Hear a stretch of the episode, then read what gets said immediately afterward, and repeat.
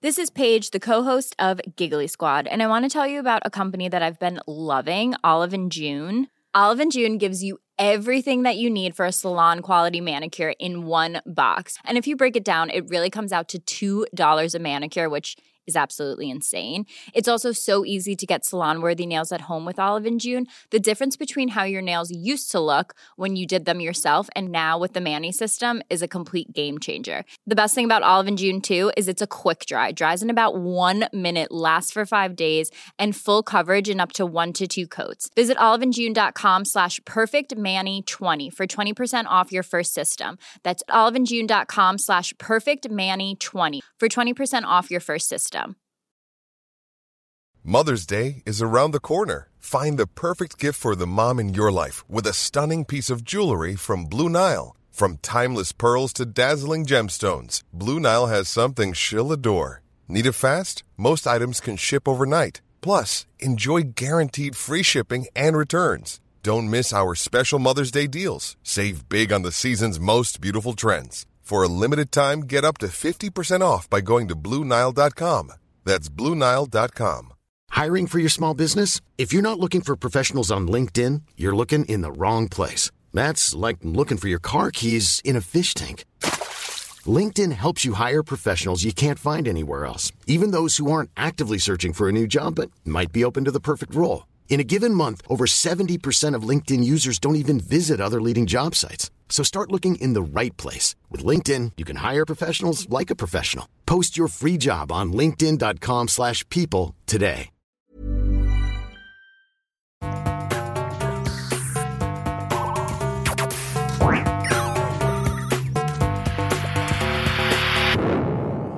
Velkommen til Sinnsyn.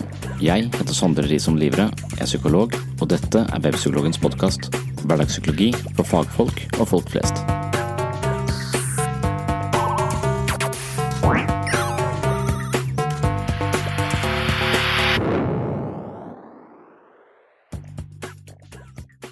Jeg har snakket med Erlend Waade. Han har skrevet en bok som heter Ord hogd i stein, skrift risset i sand. Jeg har kjent Erlend i flere år nå, og han er en person jeg blir mer og mer glad i. Han er en litt stillferdig, klok og ettertenksom person. Boken han har skrevet er en blanding av dikt, vakre illustrasjoner og korte tekster som får deg til å tenke. Det er en bok hvor du kan slå opp på en hvilken som helst side, og i løpet av noen få linjer har du garantert fått noe viktig å tenke på. For meg var dette en berikende bok jeg vender tilbake til med jevne mellomrom. Det er en blanding av natur, innsikt, psykologi, filosofi, estetikk og åndelighet. Boken formidler noe allmenngyldig på en direkte og kortfattet måte, og for meg fungerer den som et slags kart jeg kan bruke videre i mitt eget liv. Det viser vei til en del elementer ved livet som ikke vaker i overflaten, men som gjemmer seg i dypet. Selv sier Erlend følgende. Jeg har vært på bærtur mange ganger. Jeg har lært mye av det også. Ikke minst dette, at som alt annet liv er jeg her for å vokse og bli voksen, modnes og bære frukt. Inspirasjon og visdom på livsvandringen trenger alle, ikke minst når den er erfart, åpenhjertig og fordomsfri. Det er heller ingen ulempe å finne den både i form av dikt, noveller og filosofiske betraktninger, og ikke minst talende bilder som speiler og utvider tekstene. Erlend Waade er fra Trondheim, men har bodd mesteparten av livet sitt i Kristiansand. Han er gift, har tre barn og er morfar til fire barnebarn. I sitt yrkesaktive liv har han hovedsakelig jobbet som kateket i folkekirken, men han har også vært lærer i ungdomsskolen og i voksenopplæringen. Han er nå uføretrygda på grunn av psykiske plager, men er mye med i frivillig arbeid, spesielt blant ungdom og innvandrere. Han har meninger om mye og skriver kronikker og artikler i ulike aviser, samt på sin egen blogg som heter himmel-jord.com. Jeg opplever at Erlend er et godt, åpent og innsiktsfullt menneske, og jeg likte godt samtalen vi hadde en formiddag i mars 2020. Her får du høre en samtale om Erlends bok, og du som følger sinnssyn har sannsynligvis hørt fra Erlend i tidligere episoder her på podkasten. I dagens samtale snakker vi først og fremst om den nye boka til Erlend, men vi snakker også ganske mye om kart som viser vei til nye former for mening eller erkjennelser. Både Erlend og jeg har lest mye av Jordan Peterson, og spesielt boken hans Maps of Meaning gjorde inntrykk på meg. Denne boken handler om å kartlegge ulike historier, tradisjoner og praksiser som peker ut over seg selv, og da gjerne mot en eh, dypere fellesmenneskelig mening og erfaring.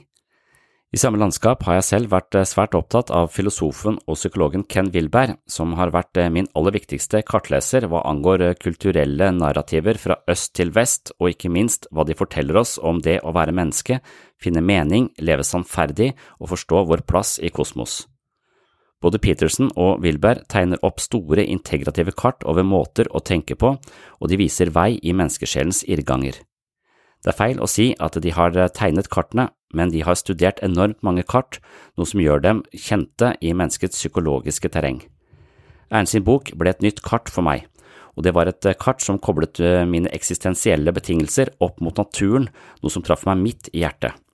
Tusen hjertelig takk til Erlend for en fin samtale og en flott bok. Jeg innleder dagens episode med en liten vignett fra Jordan Peterson som proklamerer noe i retning av hva jeg pleier å si. Alt du tenker og føler er sannsynligvis feil. Poenget er at vi må tilstrebe å tenke kritisk, forsøke å utvide våre kart og finne nye veier. Uten kritisk tenkning tror vi at det er et enkelt kart som kan vise oss den beste veien gjennom livet. Jeg tror vi er nødt til å orientere oss ut ifra flere kart, konsultere kartet selv om vi tror vi er på rett vei, og alltid være interessert i andres kart og deres fortolkninger av kartene.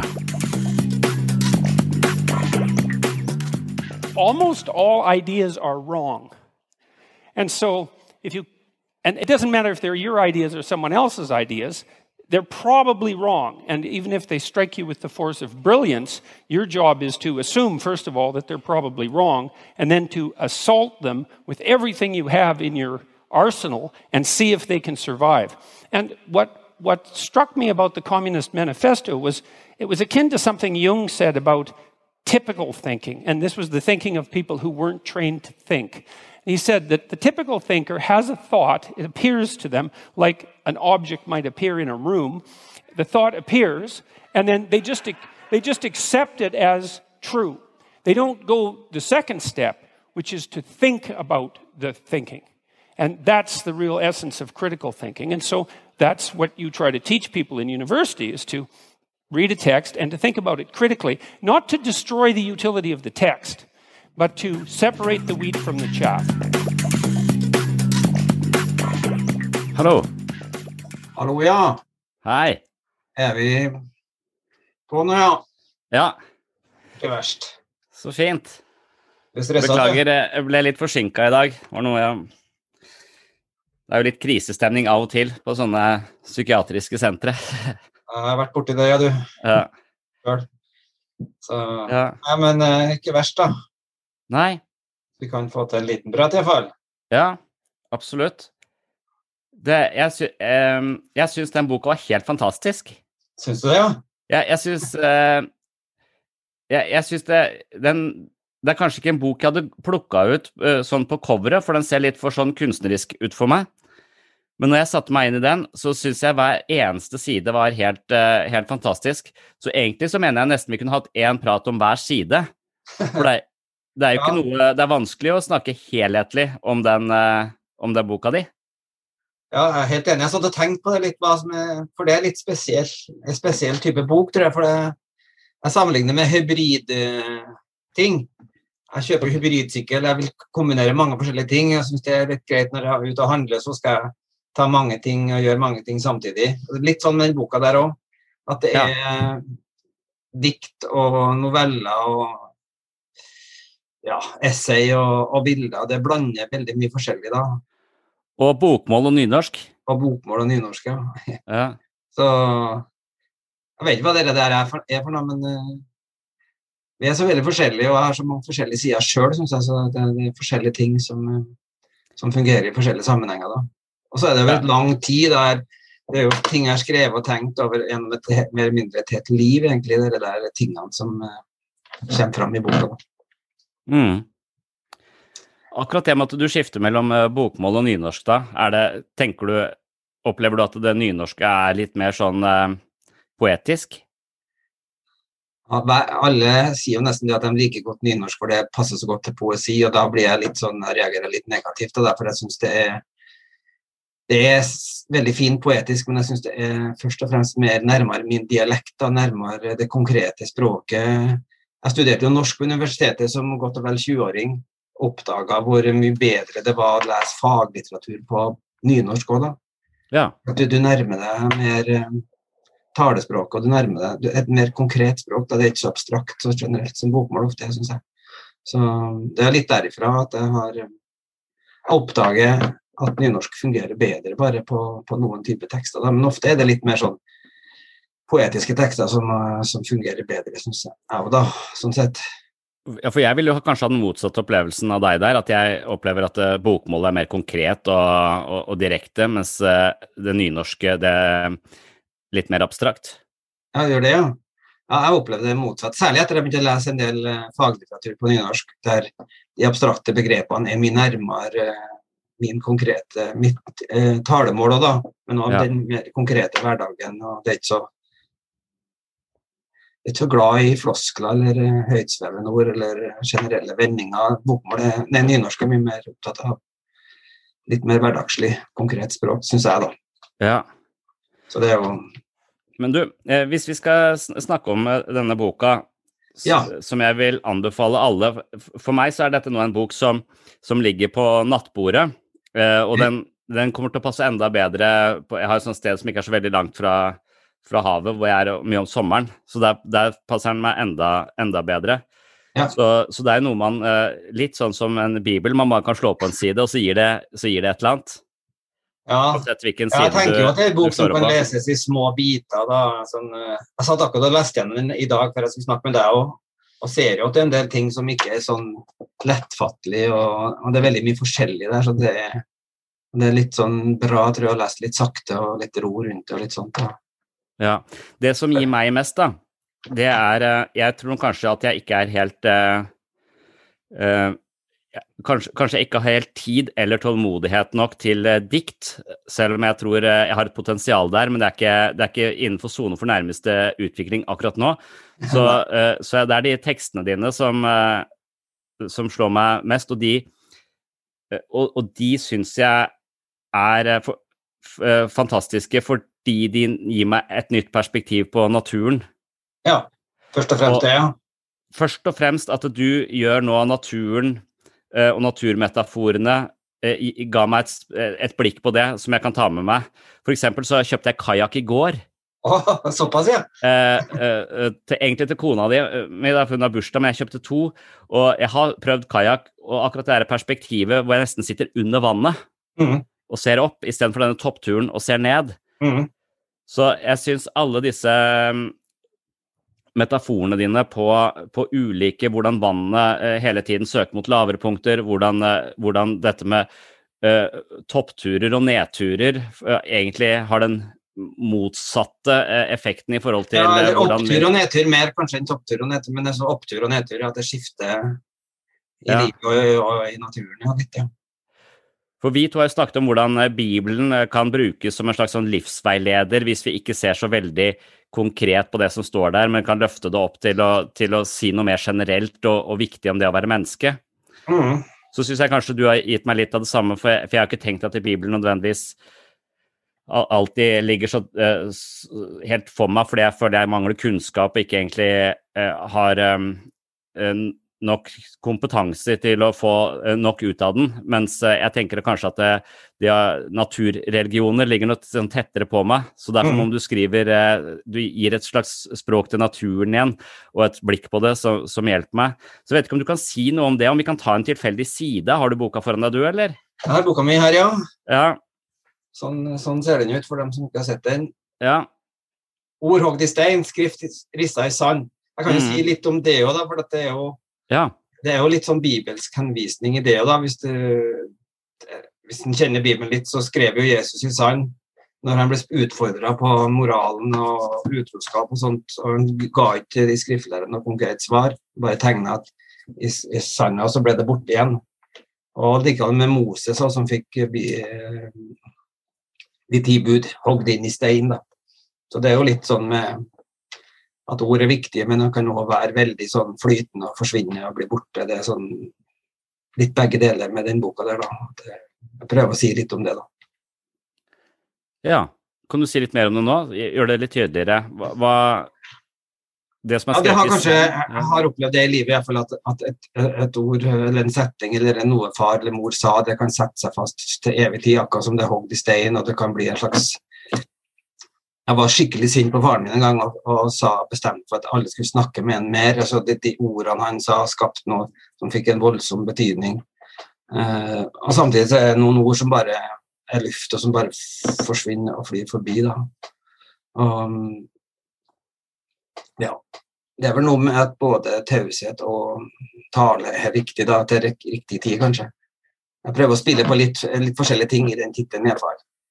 At ordene er Mm. både veldig viktige, men òg veldig uviktige noen ganger. Litt bevissthet rundt hvordan vi bruker dem og sånne ting. Jeg tror det ligger i tittelen litt, litt der, ja. Mm. Ja. Så, ja. Så Alt det som er skrevet i sand, det kan i hvert fall da eventuelt eh, viskes ut og skrives om, eller skrives på nytt, eller det kan tilføyes ting når man får større innsikt. Så hva er det du sa ble skrevet i sand i bibelsk forstand? Var det dette med moral og, og Ja, det var det. De, de mannlige religiøse lederne som, som kom dragende med ei kvinne som var grepet på fersk gjerning i utroskap eller hor, da, som det står. Mm. Altså, da, straffen var jo da steining. Sant? Det var Mm. verre straff for kvinner enn menn. Uh, og hvorpå Jesus da, når han fikk utfordringa, bøyer seg ned, bare skriver i sanda et eller annet. Ingen vet hva han gjorde. Han avstår på en måte for å ta stilling, da. Og så retter han seg opp igjen, og så sier han til de skriftlærde eller religiøse lederne at den som er uten synd, kan kaste den første steinen.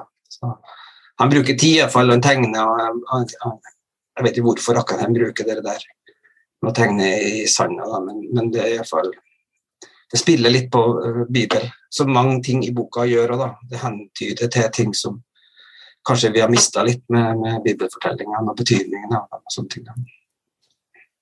Men kan du forstå det på en sånn måte at, det, at Jesus da hadde en slags innsikt i at det, verden kommer til å utvikle seg, mennesker kommer til å utvikle seg, vi kommer til å forstå ting på stadig nye måter, og det som er sant i dag, det vil ikke nødvendigvis være sant lenger frem i tid. Så det å Mhm. si noe absolutt om uh, disse moralske spørsmålene eller disse tingene vil være feil? Ja, eh, det gjør han iallfall veldig mange ganger. da han retter, Når vi retter pekefingeren mot den andre, så, så, så peker han på en måte mot oss sjøl. Han snur problemstillinga og feier først for egen dør, eller litt eh, Han gjør ofte det, syns jeg. Ja. Mm. Før du, før du dømmer andre. Da. Det, Ja. Så det er tittelen på, på boka, som Boka, har tre ja. deler. Ja.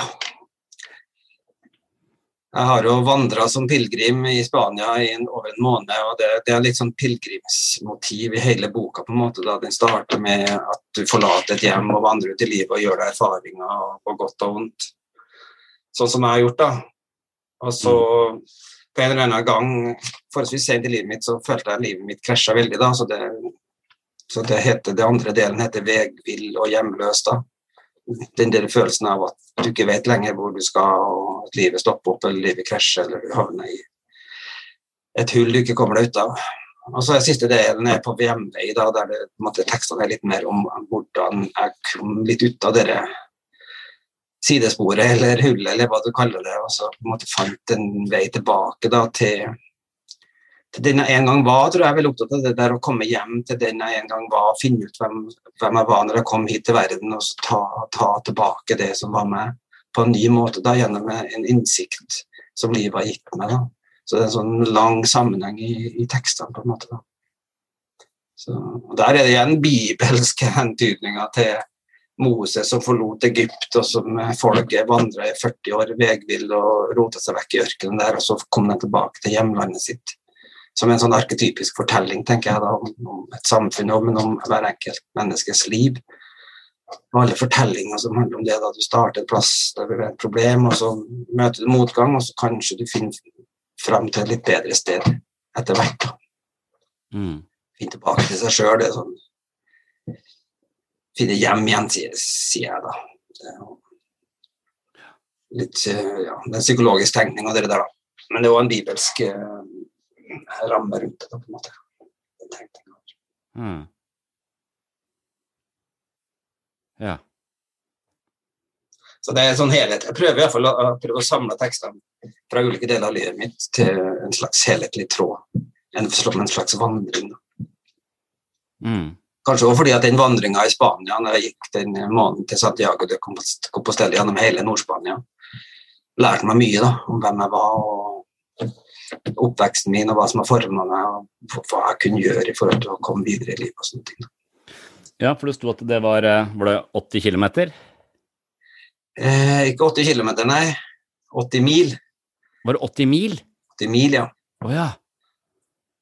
Det gikk jo um, to-tre mil per dag da, i eh, godt og vel en måned. ja.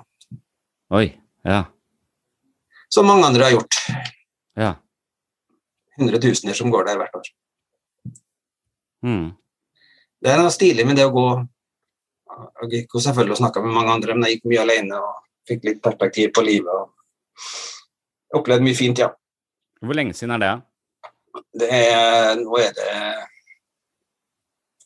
Jeg var 51, da, så det er jo 15 år siden, ja. Ja. Så Men du har slitt etter det òg, har du ikke? jo, veldig. Mm. Så samtidig så holder jeg fast på at det var en veldig viktig lærdom jeg fikk gjennom den vandringa der. Men, men jeg har slitt veldig med, med psykisk helse store deler av livet, og det ble på en måte blitt verre og verre helt til jeg var omtrent 60 før, før det virkelig krasja og jeg ble innlagt og ja, ble veldig syk, da. Mm. Og så har jeg på en måte Jeg vet ikke helt, jeg, jeg tror det har blitt så etter jeg kom ut av det litt og fikk litt avstand til det, jeg fikk noe behandling og fikk elektrosjokkbehandling annet, og, og fikk en slags Kom på en måte ut av det. og etter det så har jeg blitt veldig engstelig, tror jeg. Veldig, hele kroppen min, hele sjelen min. Jeg er blitt redd for å komme tilbake til det hølet der, da. Sånn at jeg har eh, lært meg en del ting som gjør at uh, Måter å tenke på, måter å handle på. Som gjør at jeg, jeg ikke tror jeg kommer tilbake dit. Det, det, jeg har vært på et veldig ille sted. Jeg vil ikke tilbake dit noe mer for alt i hele verden. Mm. Ja. Er jeg ikke inne på boka akkurat, men det, det, det, det har vært veldig viktig for meg å engasjere meg frivillig for andre mennesker. Bruke litt av oppturene og nedturene mine til Jo, men jeg for andre. Da. Det har vært, veldig viktig for meg. Ja. Vi er inne på boka fordi du, du skriver eh, om hvordan dette med kompost Ja.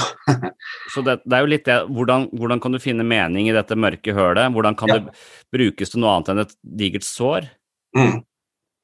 Ja, den kompost, kompost, stykket om kompost er veldig viktig for meg, en sånn sentral tekst, tror jeg, i forhold til å oppdage at For jeg har tenkt, det har vært mye depresjon og mye tungt og mye sånn eh, bekymringer som egentlig er bortkasta. Lett å tenke at det har vært bort, ødelagt liv, det er bortkasta liv. Og det, på en måte er det litt sant, for å kunne gjort mye mer konstruktive ting og brukt livet mye mer konstruktivt. Men så kan det å snu og bli til en viktig erfaring, da.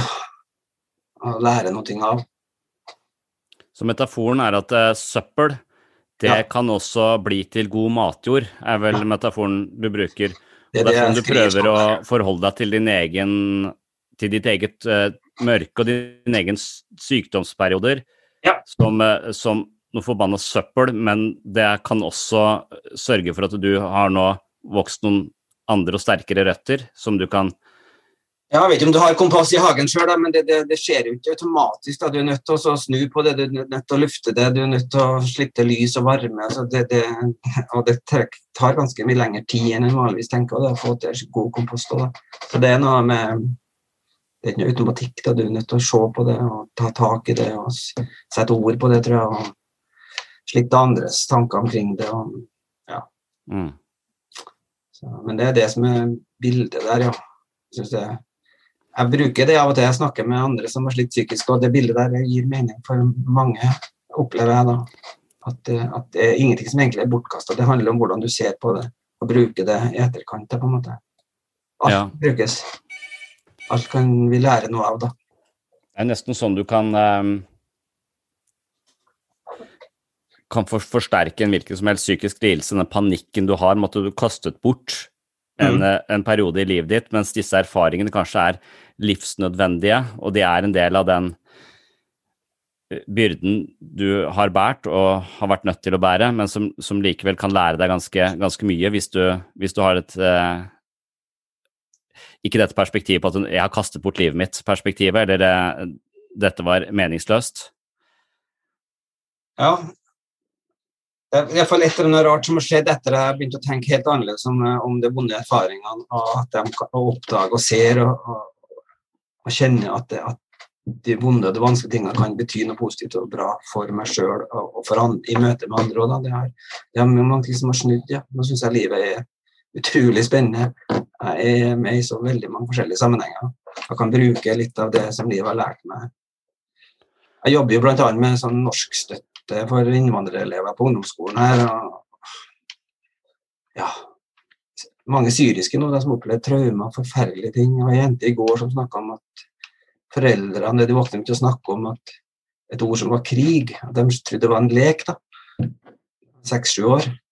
Skjønte ikke helt hva det var for noe. De snakker veldig sterkt om eh, Et barn vet ikke hva som kommer, ante ikke hva det var. Og, og, og nå sliter hun med ja, Flere av dem sliter med alvorlige, dype traumer når de oppdaga hva krig var. da. Og så kan jeg snakke med folk som har opplevd helt andre ting, og som kan, kan på en måte forstå litt, tror jeg, da. Eller de forstår at jeg har vært opplevd ting, jeg òg, da. Det er i hvert fall et eller annet spennende med å bety, å bruke noen av erfaringene mine i møte med andre som har også slitt. Da, som, og så har vi et veldig spennende lærerkollege der, så vi diskuterer pedagogikk og oppdragelse og psykologi. Og så skifter det til det, og så har jeg barnebarn som jeg synger godnattsang til jeg gjorde det i går. Eller i forgårs. Det er så mange ulike sammenhenger jeg føler at jeg kan ja, jeg har noe som jeg syns er spennende og fint å dele med andre. Da. Mm. Så det har snudd veldig. Det der eh, at eh, det depressive, det tunge og det vanskelige livet Det har snudd når jeg begynte å se på det på en litt ny måte. ja. Jeg det på en litt ny måte som erfaring. Viktige erfaringer. Mm. Det må kan brukes da, i møte med helt andre ting som andre har møtt, da, men allikevel det er noe av det samme landskapet vi beveger oss i, kanskje. Ja. Så det var komposten. Ja. Det Jeg eh, hang meg litt opp i det der, den metaforen med å komme hjem, for det er jo som du sier en sånn arketypisk fortelling, enten det er eh, fra Odyssevs eller eh, fra Moses, eller eh, så er det noe med det å komme hjem og på i Ja, mange har jo lest den boka 'Alkymisten'. Jeg vet ikke om du har lest den, men det er akkurat, Ja. det er akkurat det samme motivet. Liksom. Det har alltid vært Ja. skatten, og så er en plutselig hjemme igjen. Ja, jeg skjønner. Så Og så hørte jeg på eh, Jeg hørte den på en sang av Lars Winnerbäck. eh, Den kom på i bilen. eh, Den heter noe sånn som 'Jeg tror jeg hittar hem'. Lars Ja. Winnerbeck er vel en sånn svensk visesanger. Men han har nok hatt mange parforhold. Han har vært mye urolig, mange eksistensielle kriser. Og nå har han vel et parforhold som han opplever som er veldig trygt. Han har slått seg på en måte til ro på nytt. Han har blitt mye eldre. Mm. Og så er vel teksten at nå tror han at du kan slippe han hvor som helst i verden, og så finner han veien hjem. Det er det som er, eh, er teksten. Så uansett hvor du slipper meg nå, så tror jeg hit er hem, skriver Mm. skriver syngeren. Mm. Hva forstår du ved det? Hva er det han, hva er det han setter ord på da, liksom? Jeg, te- jeg tenker jo det da med en gang at han, han, han har hjemme i seg sjøl, da. Han hjemme i seg sjøl. Altså, han kan være hvor som helst og likevel være hjemme, da. Mm. Eller være seg sjøl, eller ha sin identitet intakt, eller noen sånne ting. Jeg tenker jo mye på det, da. At, at den personen jeg er, kan jeg ha, har jeg lov til å være. Og, og det kan fungere i møte i mange ulike sammenhenger. Både psykisk og geografisk og historisk og sånne ting. At det har noe med det å gjøre, da. Kanskje. Ja. Jeg vet, vet ikke om jeg helt um, vet man at man er uh, hjemme? Nei, det, jeg kom på noen bibelsk fortelling igjen. da, så Vi har en felles favoritt i Jordan Peterson. og Han snakker om uh, personen Josef. Som Ja. kanskje mange så vidt husker litt med han som ble kasta i brønnen av brødrene sine og ble svikta og solgt som slave og tjener og kom i fengsel og opplevde forferdelig mange forskjellige ting. Men han fikk en mangefarga kappe av faren sin, så det var ikke så veldig vanlig å ha. Men Jordan tolker det som at han kunne fungere godt fordi han var mangefasettert, mangefarga, så kunne han fungere, ha identiteten sin intakt i mange ulike sammenhenger. da. Han ble jo Mm. tjener hos eh, Potifar, og der gjorde han en kjempegod jobb. Han, ble ikke, han, ble ikke, han fikk ikke et tjenersinn, han ble kasta i fengsel, og der òg hjalp han og bidro. Han ble ikke en slave fordi man var en tjener, han, han ble ikke en fange eller en tyv fordi han ble kastet i fengsel. Han begynte ikke å hate brødrene sine, eller han klarte å slutte å hate brødrene sine og, og fikk et oppgjør med dem. Han ble bevart den han var i mange ulike sammenhenger og kunne fungere eh, på en god måte i utrolig mange forskjellige situasjoner i livet. Jeg trenger ikke å sammenligne meg med Josef, men jeg syns det er spennende at jeg kan kose meg med tre- og femåringer og barnebarn. Jeg kan diskutere spennende ting med, med lærere, jeg kan snakke med syriske ungdommer som har slitt fryktelig med traumer. Et eller annet med at du, ja, du kan ha med den du er i mange ulike sammenhenger, og være hjemme i deg sjøl. I mange Ja. ulike sammenhenger. Litt etter, det vil jeg snakke litt utydelig nå, men et eller annet med det fall som, som gir mening for meg. Da. Ja, det er det jeg tror jeg snakker om i forhold til å være gjennomsiktig. Ja. At jeg kaller det å være gjennoms så gjennomsiktig som mulig. Mm. Sånn at eh, du slipper å operere med, med et ulikt bukholderi av ulike Masker karakterer, ulike roller. masker. Ja. Likevel så, så tenker jeg vel at vi alltid har til en viss grad en form for maske, og at jeg godt kan trives i en bestemt rolle som kanskje ikke tilhører eh, Som kanskje tilhører en annen tid, eh, som tilhører en rolle jeg hadde når jeg var på et annet sted i livet, men jeg kan gå tilbake dit, for jeg kjenner den rollen. og Mm. og, og når det da Men så når jeg da tenker på at man kommer hjem, så, så tror jeg det har med den, det du skriver om kartet Jeg Ja. tror etter hvert at jeg har et kart som jeg har tilgjengelig. Ja. Og når jeg kommer i situasjoner hvor jeg f.eks. merker at jeg går på kompromiss med mine egne verdier, eller Mm. lar meg styre av, av andre, så har jeg kanskje så som deg eh, sørget for at jeg har kartet i lomma, sånn at jeg kan kikke på det kartet og se at dette, eh, denne veien vet jeg hvor fører hen. Disse, eh, det å, å før, ja. disse verdiene. Her har jeg vært før. Jeg kjenner til den dårlige samvittigheten. Jeg kjenner til hvordan dette her eh, vil gå. Så eh, jeg tar til venstre her. Det er litt stilig det med kart, for det er en helt konkret opplevelse jeg bruker der jeg skriver om jeg, liker jo ikke å tenke at jeg tar feil, jeg tror at jeg går riktig, og så har jeg oppdaga noen ganger at jeg, har vært på helt feil sted på tur. Og så, og så når jeg finner til slutt ut på kartet, når jeg har med kart hvor jeg, hvor jeg faktisk er hen, den, den der flauheten over å oppdage, eller hvor lett det er å oppdage hvor jeg gikk feil, altså det er en sånn helt konkret opplevelse av at det følger ikke med, du gikk feil, du burde ha sett at du gikk feil mye før.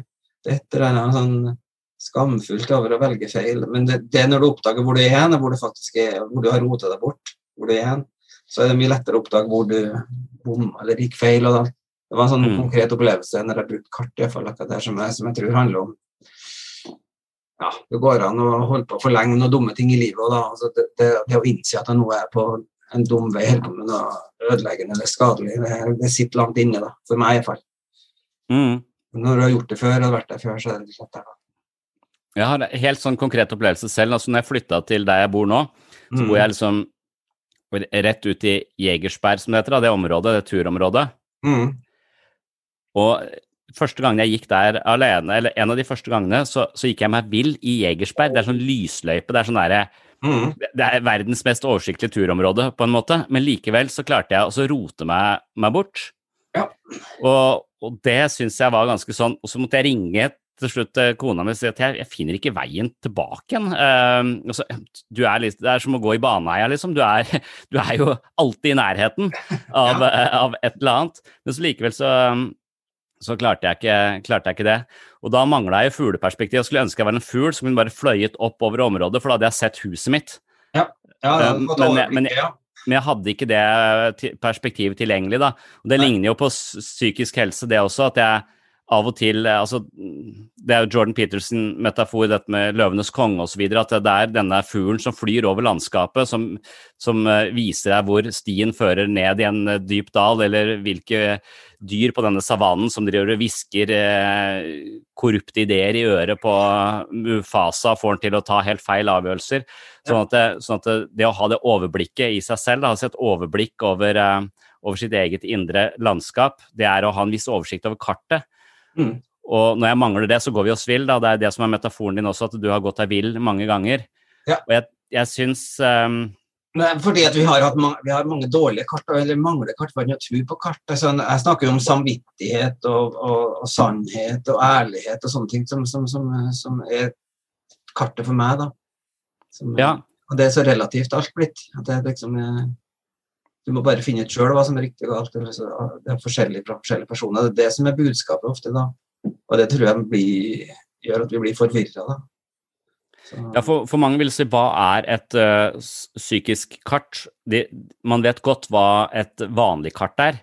Mm. Man vet godt at kartet ikke er det samme som terrenget. Mm. Men kartet hjelper deg å orientere i terrenget, sånn at du kan sørge for at du ikke går på en fjellvegg, men heller går rundt. Altså det er orienterernes uh, område det der sånn. Ja. Men hva vil det si å ha en god oversikt over sin Eller hvordan, hva er et psykisk kart? Og det har jeg min metaf... Eller sånn jeg har snakket om det, er jo en viss grad av kunnskap om psykologi. Ja. Eh, kan hjelpe. Det kan være en del av kartet. Det å ha et, eh, ha, ha et, reflektert forhold til sine egne verdier kan være en del av kartet. Moral. Mm. Og, og, det å kjenne seg selv, kjenne sine egne tilbøyeligheter, vite hva slags sko det er godt å gå i. altså kjenne uh, hvor mye man tåler, eh, og uh, hvor grensene går. Så det, det, er også, det, er ganske sånn Det kan være ganske abstrakt, men jeg tror det er helt livsviktig å lage seg et godt kart over seg sjøl. For hvis ikke så, så, tror jeg du kommer til å gå deg vill gang på gang, og det er vel det som er selvutviklingens vesen. Altså lage disse, disse kartene. Og som hjelp på veien så har jeg tenkt at det finnes fire domener av det å være menneske. Det er vårt intrapsykiske liv, vårt operativsystem, vår måte å tenke på som er tillært, mm. i møte med andre mennesker. Så vi har denne subjektive siden ved hvordan det er å være meg, og mine måter å tenke på og forstå ting på, som forkrøpler verden på en bestemt måte, eller jeg farger i hvert fall verden på en bestemt måte med min, min måte å se det på. Og så har du det objektive, altså jeg har noen genetiske disposisjoner og noen, eh, en balanse i nevrokjemi som også er en del av, av eh, min eksistens, da, som også kanskje f.eks. kanskje jeg fungerer dårlig på lavt blodsukker, eh, så at jeg må også kjenne Det er også en del av mitt kart. Og så er det også dette mellommenneskelige, som også er en vesentlig del av det å være et menneske. At jeg trenger relasjoner til andre. Og så er jeg introvert av natur, så jeg har en tendens til å heller velge isolasjon fremfor eh, relasjon. Mm. Eh, noe som er en, en, del av meg som jeg er nødt til å, å vite om og korrigere for. For hvis ikke så, så kommer jeg til å forsømme den relasjonelle komponenten. Og så er det også at jeg bor i en verden full av mobiltelefoner som ødelegger oppmerksomheten min og min evne til tålmodighet og omtenksomhet, som også er en del av kartet. For det er liksom det, det interobjektive, selve det at jeg, jeg bor også i, et, i, en, eh, i, i noen sosioøkonomiske strukturer som også gjennomsyrer meg. Og, og, noen av de er ikke heller nødvendigvis bra, og da er det viktig å finne en farbar vei rundt det der, sånn at jeg ikke tar med meg mobiltelefonen inn på rommet når jeg skal lese boka di. For da kommer jeg til å sjekke mobilen hvert tiende minutt istedenfor å fordype meg i de bildene du har tatt. Ja, Jeg er enig i det du sier, men jeg, syns kanskje du legger mye vekt på at hver enkelt skal, skal ha ansvar for å lage sitt eget kart. da.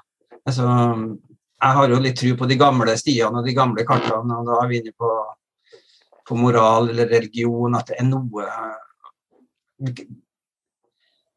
Mm. Det er min visdom som, eh, som er kasta ut, så som ikke vi tror på lenger. Alt, uh, alt det nye er best. Altså, vi lever tross alt i 2021, sier folk. Akkurat som alt, alt, blir bedre, alt blir klokere. Altså, vi vet mer nå enn vi visste før. Jeg er veldig usikker på om det, om det er sånn, da. Jeg tror um, Men vi har snakket om det før òg, de kristne religionene har òg mye ansvar for at folk tar avstand fra den sjøl.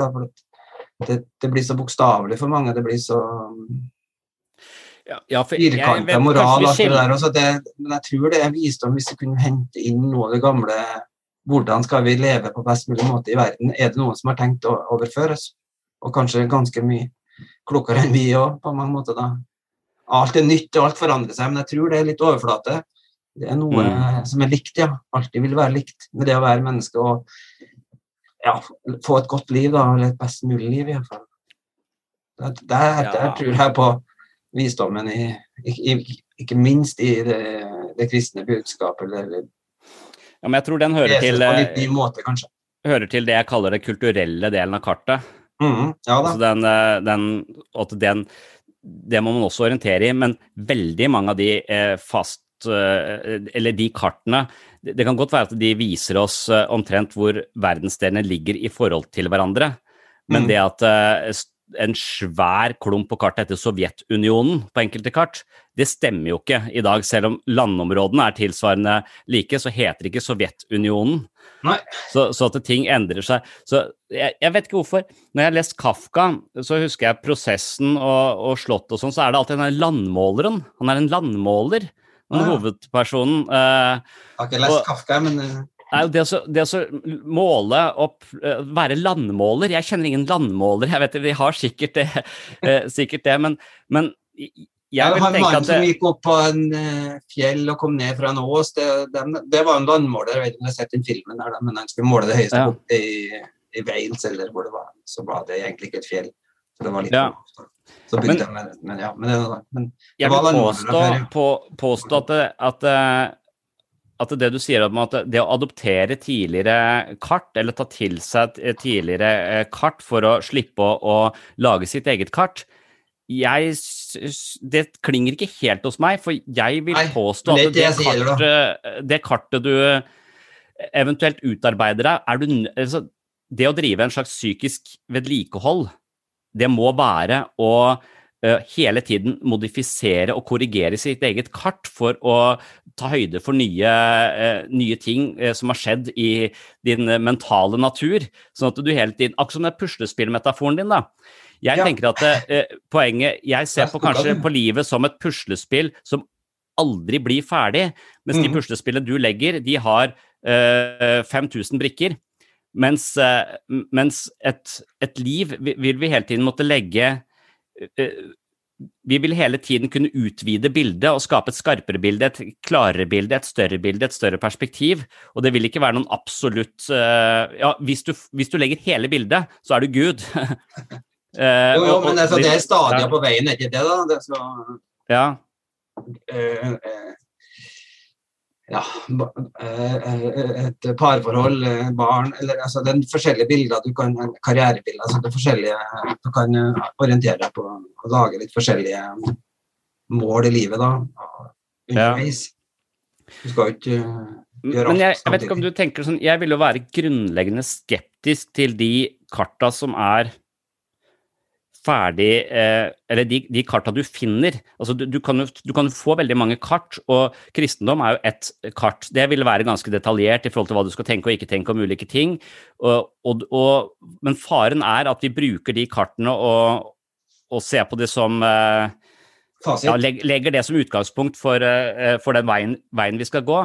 Mens Mm. jeg tenker at eh, kapitalisme kan være et kart som viser seg at ja, vi er verdens rikeste land, og, og vi har masse velstand, og så er vi dypt deprimerte. For det kartet det viser oss at vi aldri kan være tilfredse, men det peker oss hele tiden i retning av ting vi mangler, og dermed så føler vi hele tiden på det vi mangler, og setter ikke pris på det vi har, og så holder det økonomien i gang, og oss i et slags sånn derre hamsterhjul, hvor vi aldri blir tilfredse, men hele tiden løper mot noe annet. Så det er også et kart vi lett kan eh, nesten mer eller mindre blir vist oss her. Her er, kartet, her er den økonomiske kart over, over, eh, over vår verden, og så hvis vi følger det kartet, så fører ikke det oss til noe noe godt sted. Da. Så at eh, ethvert kart vi blir presentert for, bør vi eh, eh, behandle med omhu.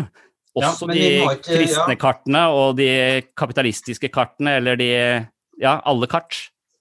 Vi må ikke forkaste ideen om kart, men altså, for det om det er noe vi, vi nødt til å bruke dem og sjekke dem og forholde oss til dem, da tror jeg da, med et kritisk blikk, selvfølgelig. Det jeg, jeg tenker på Nietzsche når du snakker nå, da, for at han mente jo at når um, den europeiske sivilisasjonen egentlig ikke trodde på Gud lenger, så så, så kom det en, katastrofe etterpå. Han sa at Gud var død. Det var på en måte psykologisk sant for veldig mange, tror jeg, etter opplysningstiden og rasjonalismen og Darwin og alt. Så ble på en måte Gud en teori, da, ikke en faktisk størrelse i folks liv. Og Dermed så sier han at da må vi lage vår egen moral, da må vi bygge vår egen moral. Da. Han snakka om et, et, nytt type menneske som var i stand til det, et sånt supermenneske som ble, ble brukt av nazistene. Men, men, han sa ikke i triumf da, at, at, Gud er død, han sa det som en sånn advarsel. At det kommer noe annet som fyller den, det kartet som er tatt vekk, som ikke finnes lenger. Uh, ja, og, da, og jeg tror at kapitalisme er noe, og marxisme og fascisme og mange forskjellige kart som er dårlige. Men, men jeg har tro på de gamle, gamle, gamle tusenårige religiøse kartene som, som, som, er noe mer enn det. da, Som har utvikla seg altså, på erfaring gjennom tusenvis på tusenvis av år. At det er en annen type visdom som det går an å hente inn der. da. Men religion har blitt misbrukt så mye, og det, blir, det misforstås. Du sier at kristendom er et kart, men det er, det er tusen forskjellige kart. Kristendom òg. Det er forskjellige måter å lese det på og tolke det på. Ja, og der, Dermed så er vi nødt til å lage vårt eget kart. Vi er nødt til å, å ikke stole blindt på Hvis du stoler blindt på, på, et kristent kart, så havner du lett i en eller annen situasjon hvor du fordømmer homofili og ikke lar folk være sånn altså, du, og, og fornekter en hel haug av innsikt som vi har opparbeida oss uavhengig av eh, kristen lære. Så du skal jo uh, holde tunga rett i munnen når du uh, ja, Hvis du tenker at Bibelen er en uh en sånn dogmatisk fasit, liksom. Men altså, det, det, er jo, det, er jo, visdom i alle tradisjoner. Det, det, det, er visdom å hente ut, da. Ja, i alle tradisjoner. Ja. Så, så, det å være en kartsamler må være det som er eh, Jeg har jo sagt at jeg er en idésamler. At, eh, at jo flere ideer jeg kan ha, jo, jo flere brikker har jeg i det puslespillet eller det kartet jeg prøver å ja. legge, eh, som jeg selv skal orientere meg etter. det, det ligner også... litt på postmodernisme, det du sier. Nå syns jeg da, at, du, at du samler ta, du henter biter her og der og der, og så lager du ditt eget. Mm. Og Det er en fare med det òg, tenker jeg da. at Det blir veldig tung byrde på hver enkelt. og Det tror jeg å skape sin egen mening. og Jeg tror det tynger mange òg, da. At, eh, jeg vet ikke om det er postmodernistisk. Hva om det er integrativt? For det postmodernistiske sier kanskje at alt er like mye verdt, det kartet viser det, og det kartet viser det. Ja. Men, men, jeg stoler ikke på, jeg stoler på at alle kartene viser noe. Uh, og alle kartene har også en del uh, feil. Så hvis vi mhm. klarer å samle så mange kart som mulig, så kan vi koble de sammen og, og, ta det beste fra alle kartene og få en integrativ modell. Og en integrativ modell eh, handler om å høre på alle stemmene, forstå eh, og prøve å sette seg inn i så mange kart som mulig, og langsomt prøve å integrere dette til en større, til en større oversikt, hvor det er eh, mulig å, å stake ut en farbar vei som er litt bedre enn den veien eh, vi har gått på før. Mm. Både for, på et samfunnsnivå, men også på et individuelt nivå.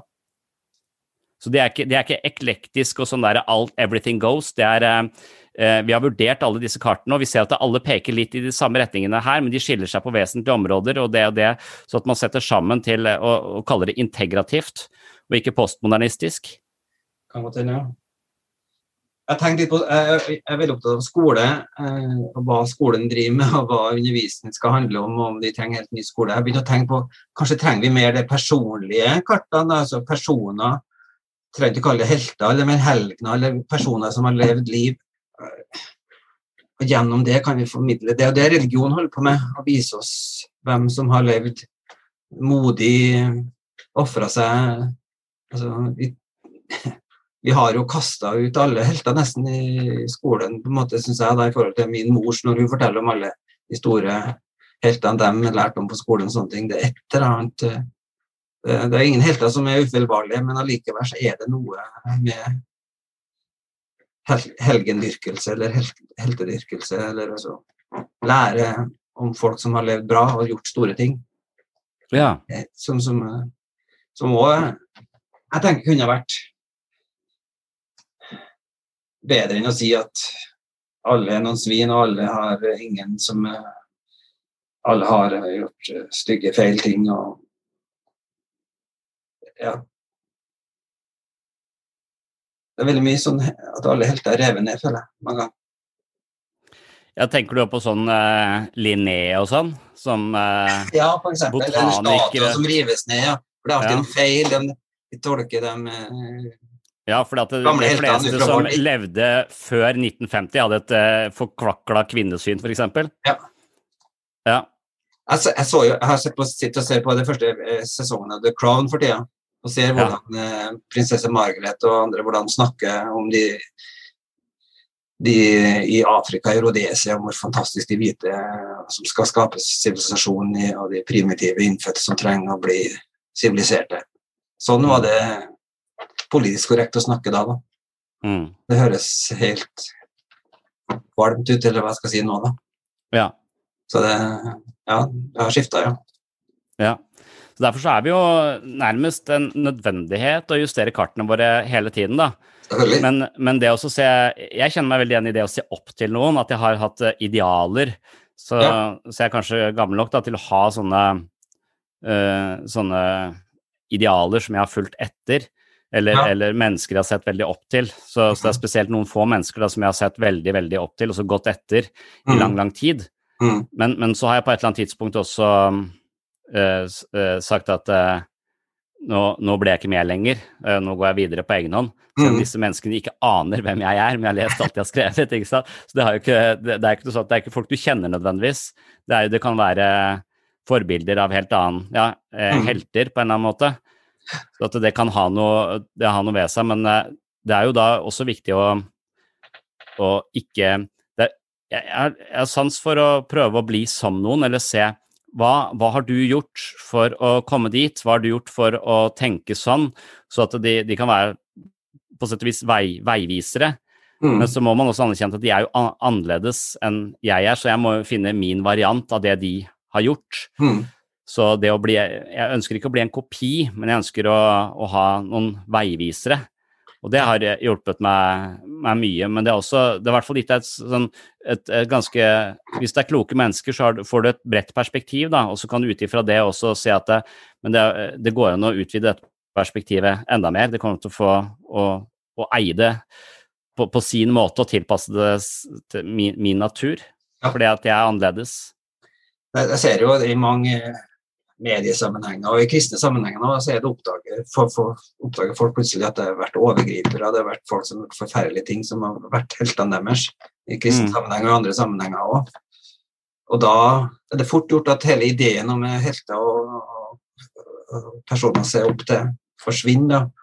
For at du blir så skuffa, det, blir- det ødelegger så mye for deg når du har sett opp til veldig til personer, så viser det seg at de har vært noen drittsekker eller gjort forferdelige ting. Men allikevel så tror jeg at det er selve ideen om mennesker som har gått foran og gjort store ting og bra ting og fine ting. Det er viktig å beholde det, på en måte. Og katolske kirker har det jo veldig i helgendyrkinga si, da. Det var mye rare helgener som gjorde mye rart, men allikevel så beholder de det der. De, de gjorde noe bra, av oss, Og de, har, de kan være forbilder for Da handler det mest om hvordan du skal leve som i forhold til troende, da. Men, men det kan brukes på mange områder, tror jeg. Det er det. Hvis du mener selv om folk eh, eh, begår stygge feil, så skal vi fortsatt uh, uh, ikke avskrive det de har sagt av kloke ting, da? Ja, ikke, heller, ikke avskrive hele ideen om at det finnes forbilder, da, eller at det finnes helt at det finnes noen uh, å lære av noen som har levd før. Ja. Ja. Så mange, det er en del som sier Martin Luther King, og han var sikkert utro og drev mye rart, men allikevel så går det an å beholde bildet av at han var en eksempel bare det, da, men han var, han hadde en viktig, stor historisk betydning. da. Selv om man kanskje falt i synd, eller hva du skal si for noe. ja. Ja, jeg vet ikke helt hva jeg tenker om Jeg er enig i det, men uh, Det er en Det er noe med altså hvis du skal eh, få hjelp til noe, da, eller eh, Ja, nei, ja. Alle mennesker har jo skyggesider, som du også skriver om. Men jeg vil jo være for, Eller jeg vil være mest tilbøyelig Eller de menneskene jeg liker best, er jo ærlige.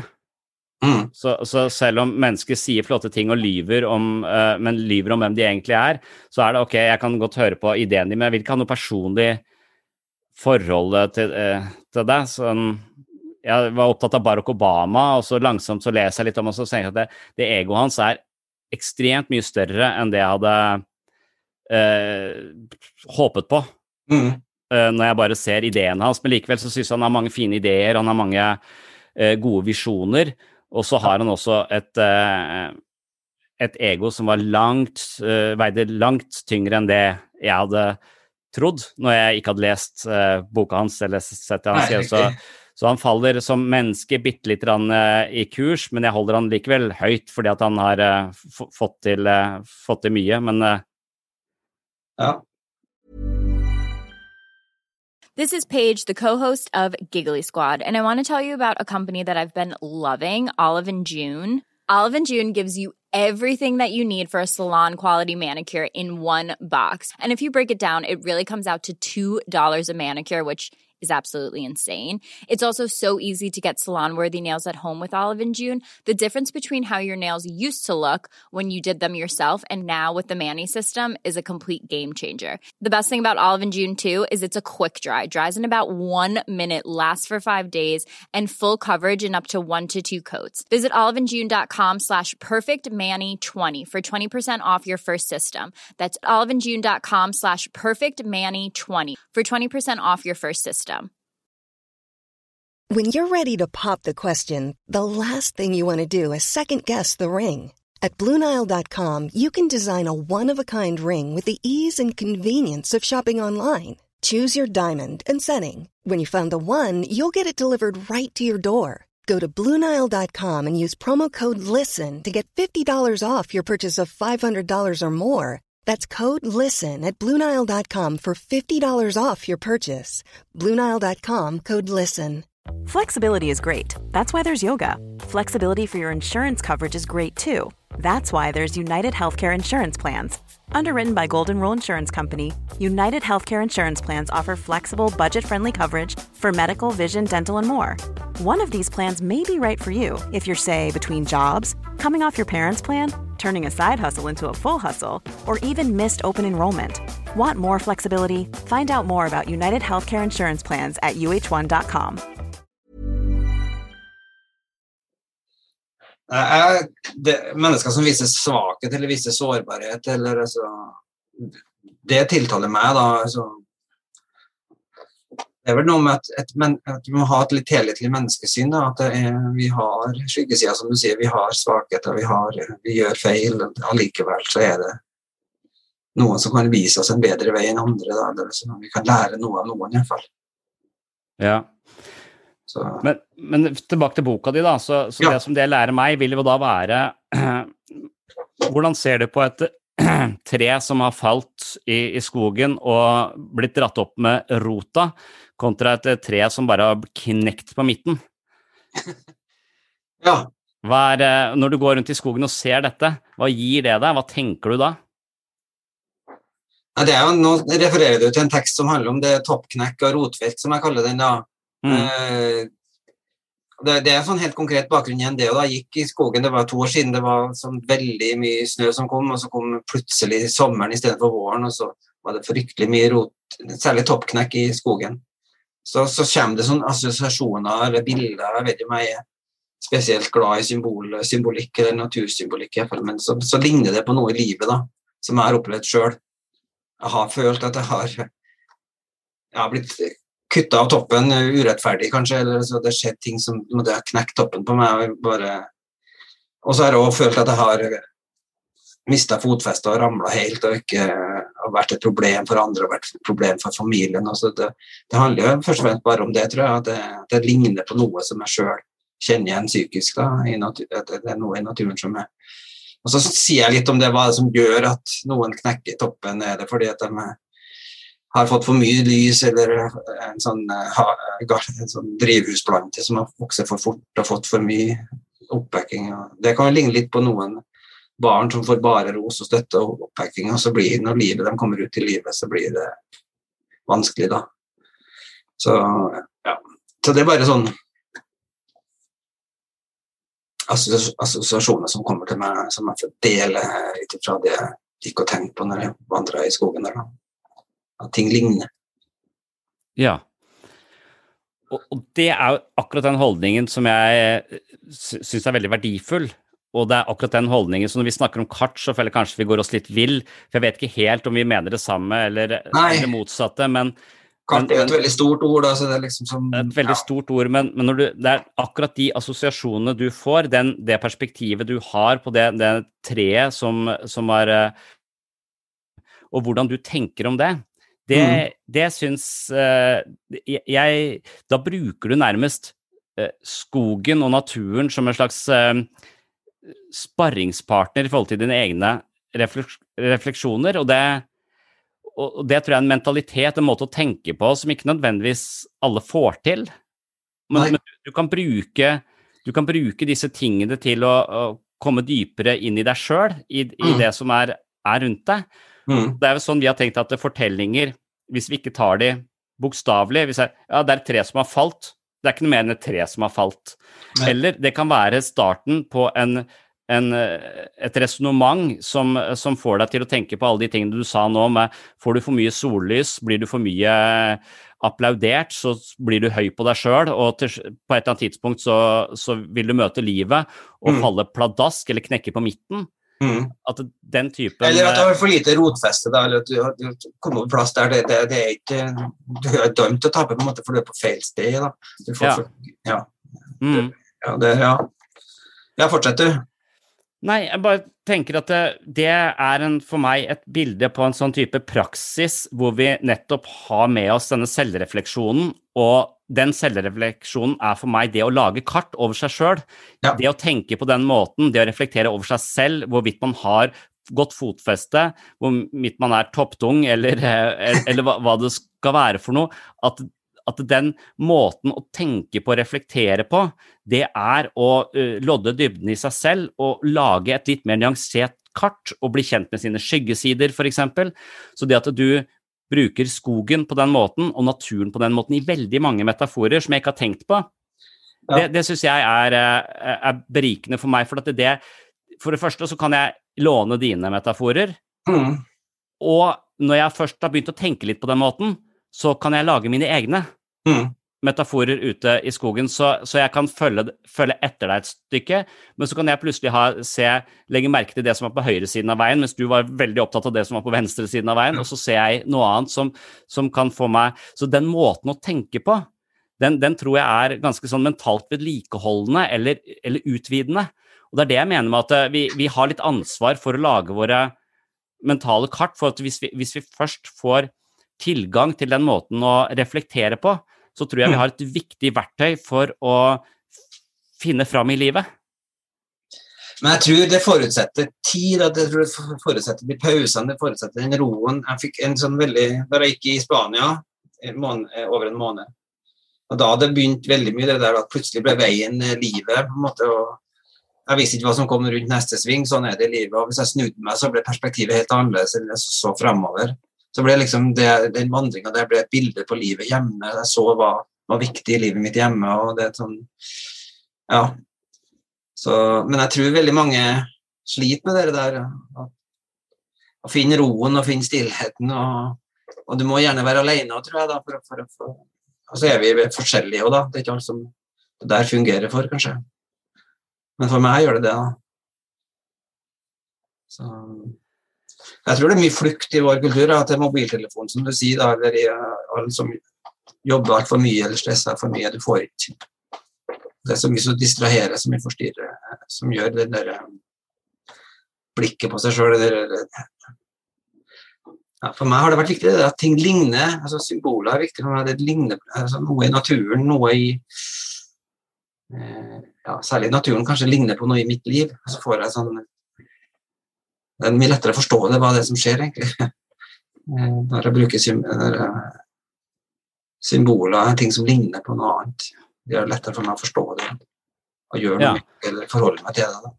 Og det ligger naturlig for meg, og det tror jeg er den samme måten som jeg eh, forholder meg til eh, mange ting på, og at jeg, og at jeg får veldig mye mening ut av nettopp den typen sammenhenger som du tegner opp, Mm. eller at ting ligner, og, og dermed så kan det skape assosiasjoner.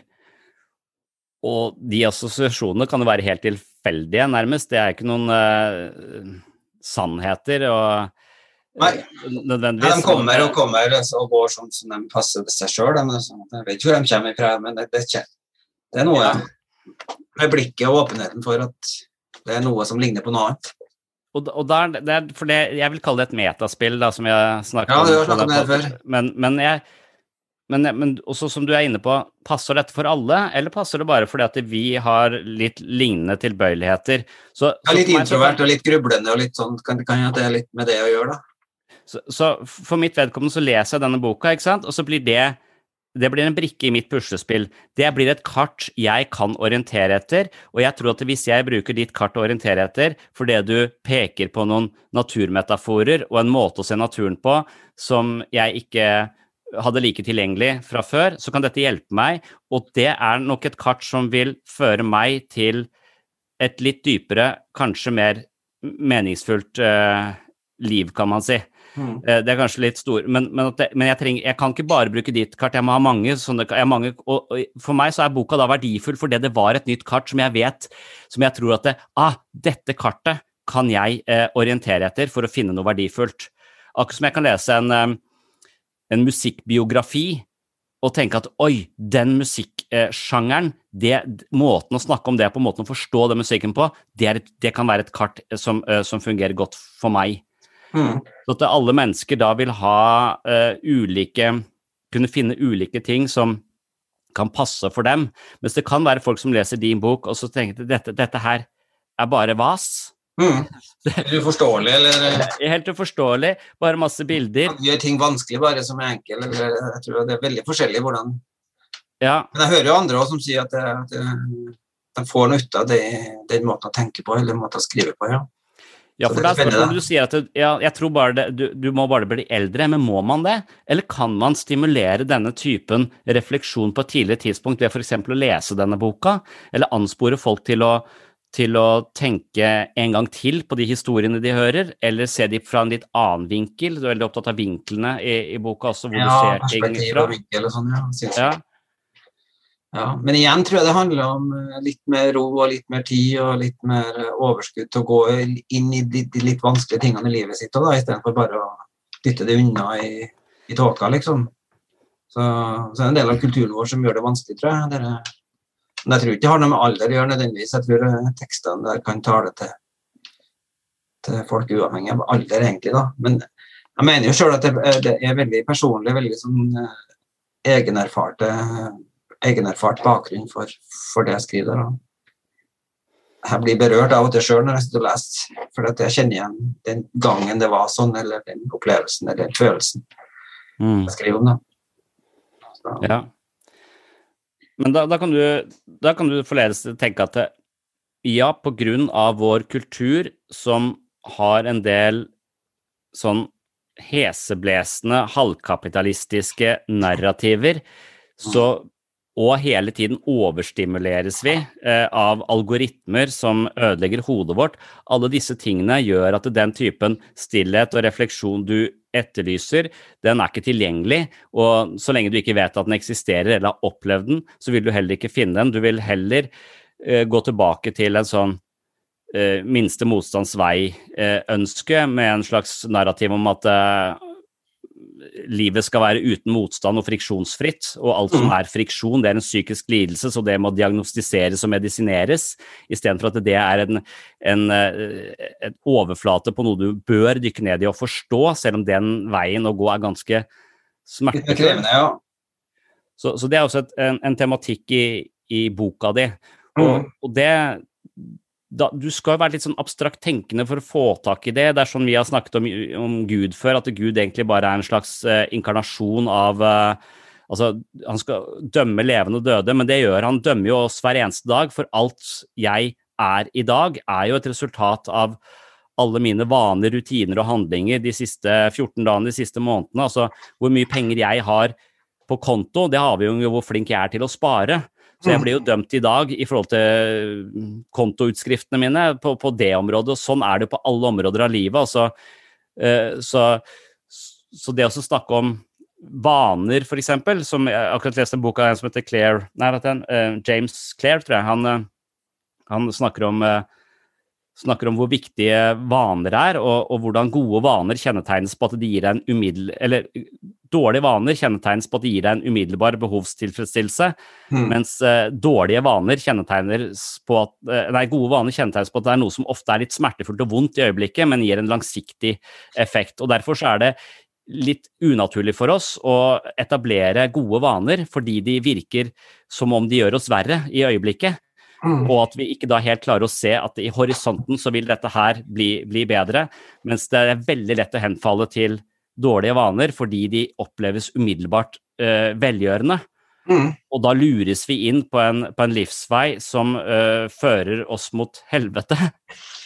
Ja, Men det er ikke litt forståelig da, det som gir umiddelbar tilfredsstillelse det, og nytelse og sånt, det er jo for Hvis du setter mål og vil et sted og vil noe mer og bli noe, utvikle noe, ting, så blir det jo, som du sier, da, veldig fort dømt av når du ikke lykkes eller ikke mislykkes. Hvis du, hvis du bare ikke har noe mål, ikke har noen retning, så slipper du jo den der eh, dommen eller den følelsen av at du ikke får det til. da. Så det er jo forståelig at det, det, det er fristende å bare flyte med, og ikke ha ja. noen retning. Og enda, enda mer i vår kultur tror jeg det er, det er bare trykk til hva som helst av underholdning eller mm. Eh, øyeblikkelig behovstilfredsstillelse. Men hvis vi skal gå litt tilbake til, eh, til, starten nå, for det er i hvert fall det jeg tenker på hvordan vi startet å snakke om dette, så lurer jeg på om det er dette jeg mener med å ha kommet hjem for min mm. egen del. Mm. Er at jeg har hatt veldig mange mål, mm. og jeg har fortsatt veldig mange mål, men de er ikke veldig viktige for meg. For det er den praksisen jeg har fra dag til dag i hverdagslivet mitt, som legger inn en aksje hver dag i det mennesket jeg ønsker å bli. Mm. Mens jeg er ikke så opptatt av å bli det mennesket lenger. For det, målet, det var Hvis jeg når et mål, så varer jo det bare i 30 sekunder. Ja, det... Målet er en så forsvinnende liten del av livet, men det er jo hele tiden det, Hvis jeg f.eks. skal begynne Nå har jeg kjøpt kajakk, ikke sant? Ja, det kan glede. deg.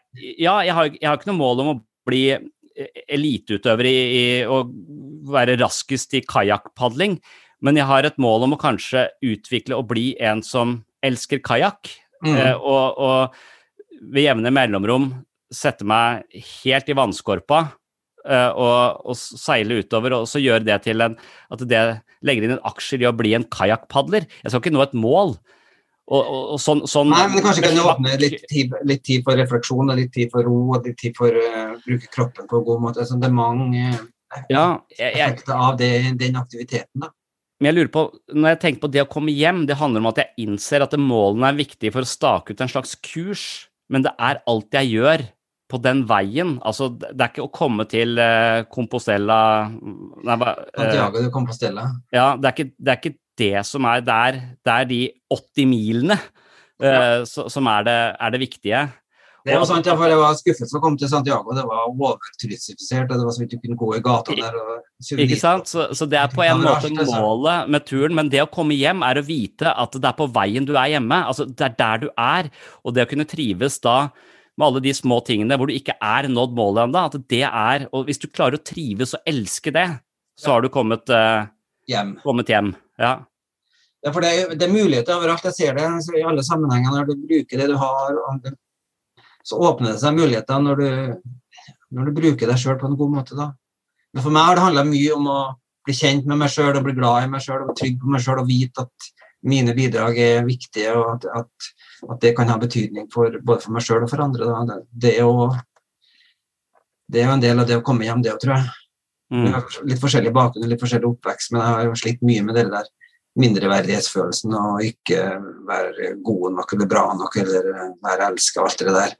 Altså kom tilbake og finne tilbake til at den jeg kom til verden med, var bra nok. Det, det var noe der som ble stoppa, som ble skada, men allikevel det var noe der som jeg fyller tilbake igjen, og som jeg vil dyrke, og som jeg er stolt av og er glad i. da.